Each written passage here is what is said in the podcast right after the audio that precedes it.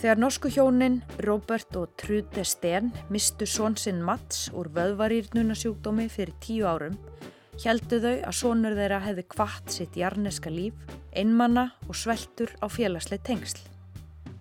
Þau syrðu sonin sem þau elskuði af öllu hjarta og það kvíldi þungt á þeim hvað sjúkdómurinn hafði skert lífskeiði sonar þeirra.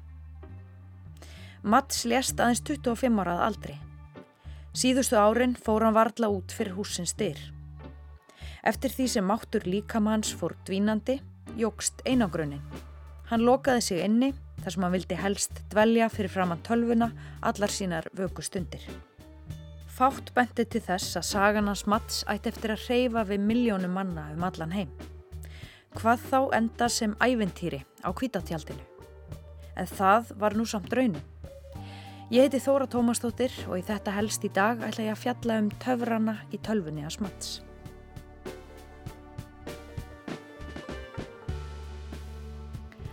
Á kveikmyndaháttíðinni Söndan sem framfór í bandaríkjónum í byrjun árs var heimildamindin Íbilinn frumsynd við dúndrandi lofaklapp. Hún hlaut sérstök verlaun áhorfanda og glimrandi lof gaggrínanda. Myndin segir sögunas Mats sem ekki einu sinni foreldrar hans hafðu minnstu hugmyndum. Hann lifði nefninlega ríkulegu lífi í tölvuleiknum World of Warcraft sem inn femi og veðvastælti íbili. Dear Robert, Trude and Mia. I'm a friend of Mats and I knew him through Ibelin. Ibelin was a friend that I could be, be open with. Og þarna heyrðu við úr stiklu myndarinnar sem er væntanlega á Netflix innan skams.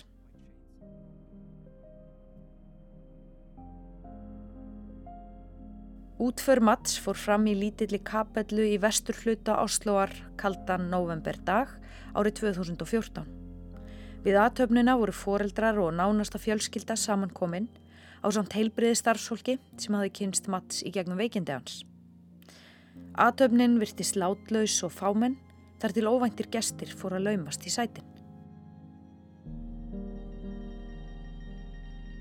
At his funeral, uh, we namely had several people popping up in the church which we had never met before.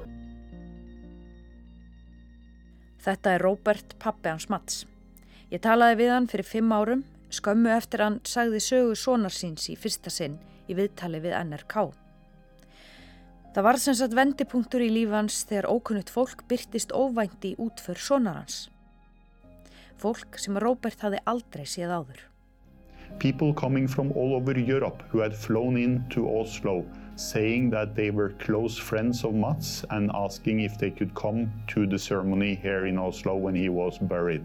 And these were people I didn't know about. These were people I didn't know existed. Uh, but obviously, they knew my son very well, even though my son never left the house because of his muscle disease the last 10 years of his life. And it came as a big surprise that he had so many close friends who he had been so important to and who had been so important to him and which I had never seen, even though I saw my son every day. Robert segir fólkið á að kynnt sig sem nána vini Mats. Hann hafði aldrei heyrt af þessu fólki áður en það virtist hafa þekkt sonans mjög vel. Róbert varð undrandi á því að sonur hans ætti allt þetta fólk að, án þess að hann svo mikið sem vissi um tilvistas. Sonur hans sem hann hafi umgengist daglega og hafði ekki farið út úr húsi í tíu ár. Mats had not met any of them. He didn't want to meet them uh, because he was afraid that his handicap would have an impact on the relationship he had established online. He had namely, over a period of 15 to 20,000 hours of gaming, and it was primarily role-playing gaming that he was interacting with people from all over Europe. Through this period, he had connected with a group of people, 20 to 30 people, and 15 to 20,000 hours, that's approximately 10 years of work. So it's a huge amount of time that he had spent with his online friends. Mats hafði aldrei hitt þessa vini sína. Hann hafði hreinlega ekki viljað hitta þau af óta við að líkamleg föllunans gæti haft áhrif á viðnátuna. Hann hafði eins vegar varið með þeim hátt í 20.000 klukkustundum í tölvuleik. And as one of his friends said in a speech at his funeral, when you spend so much time together online, you take away everything that has to do with age because you don't see age online. You take away the color of your skin because you don't see color of skin online. You take away your cultural background, you take away handicap, you take away all the things that pollute relationships when we meet physically. And over a long period of time, to connect with people based on who you want to be. Your ideas and your thinking is probably purer and stronger than what we experience when we meet physically. And I think, at least for my generation, this has been a surprise.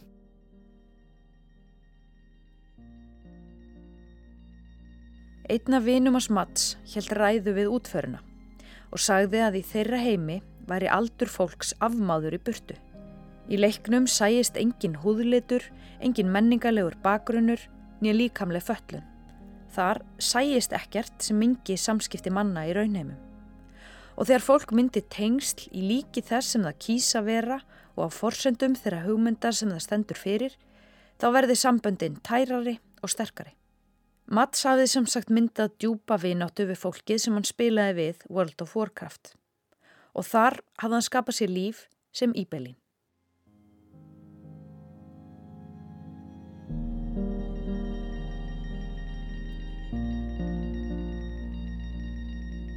Uh, Ibelin was a big uh, man. He was a muscular man. Uh, he had a nickname. He was called the Fox, and he liked to run. Mats started to use a wheelchair because his legs became so weak at an age of eight, so he couldn't run. And he wasn't strong. So when he, at the age of 14, developed Iblin, maybe it was a way of compensating what he couldn't do in the physical world was actually created in the digital world.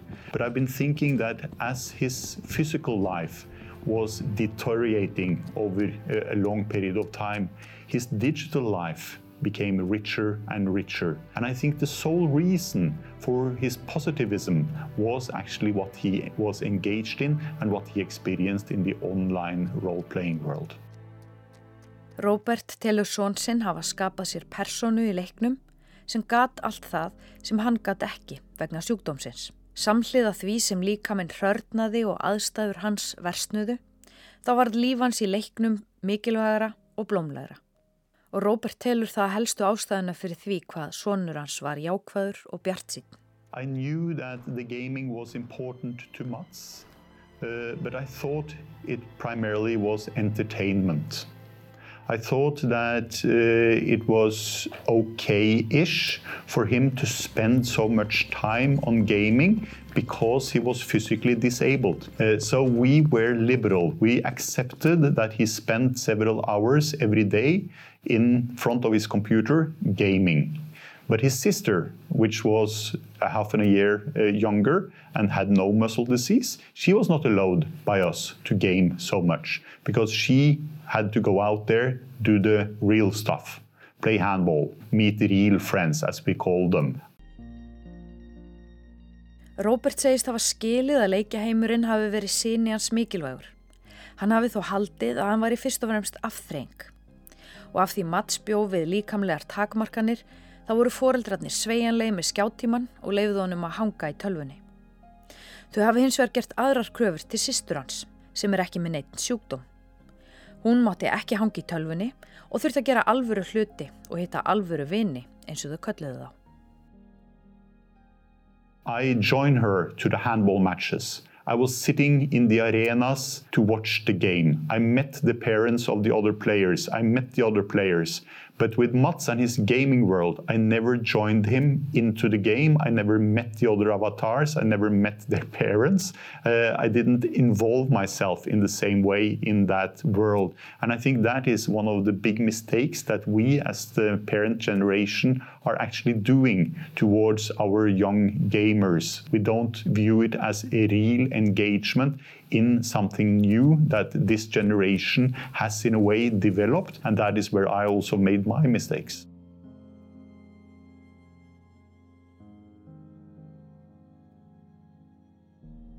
Robert segist hafa fyllt dóttur sinni í hennar tómstundir. Hann hafi mætt á völlin og fylst með handbóltaleikjunum. Hann hafi hitt liðsfélagarnar og foreldra þeirra. En það hafa hann aldrei gert með Mats. Hann hafi aldrei lagt sér fram um að skoða leikinans eða kynnast félugunum hans þar. Robert segir það mistök af hans kynnslóð að opna ekki hugan fyrir leikjaheimi barna sinna. Og það sé hans mesta eftirsjá. The idea when we agreed to share this story with NRK was that it would be interested to a small niche of people. Maybe those with children with handicaps, maybe those with uh, a special interest for gaming. That was a wrong assumption. I think now the story has been read by between 7 and 10 million people uh, around the world. Uh, it has been going viral both in Europe and in uh, America. So what I think has happened here is that this story, it actually finds so many different dimensions that it actually addresses. What does it mean to be a friend? What does it mean to live a valuable life? What kind of generation gap is actually identified here which explains a little bit about why parents are so uh, frustrated around the gaming that the young people are spending so much time in and which is so important to them and so on and so forth. It's all these different dimensions that I think this story is opening up.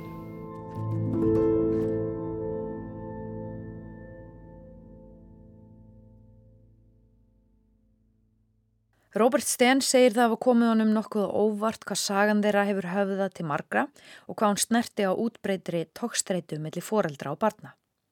Hún veki fólk til umhugsunar um hvað felist í innihaldsríku lífi, í vináttu og væntumþykju.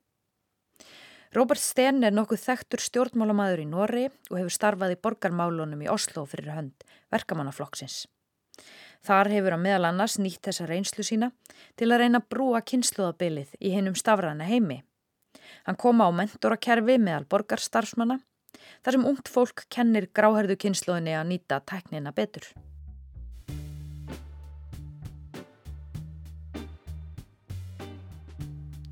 Sagan um Íbelín var mest lesna umfjöllun á VF NRK frá upphafi. Íbelín er laungorðin góðsögn í leikjaheiminum og sagan hans hefur verið sögð í fjölmjölum um allan heim. Hún er nú orðin að heimildamind sem bráðum má nálgast á Netflix. Þóra Tómasdóttir þakkar ykkur fyrir samfélgina þessa vikuna. Þetta helst fer nú í helgarfrí og verður aftur á dagskrá á mánudag.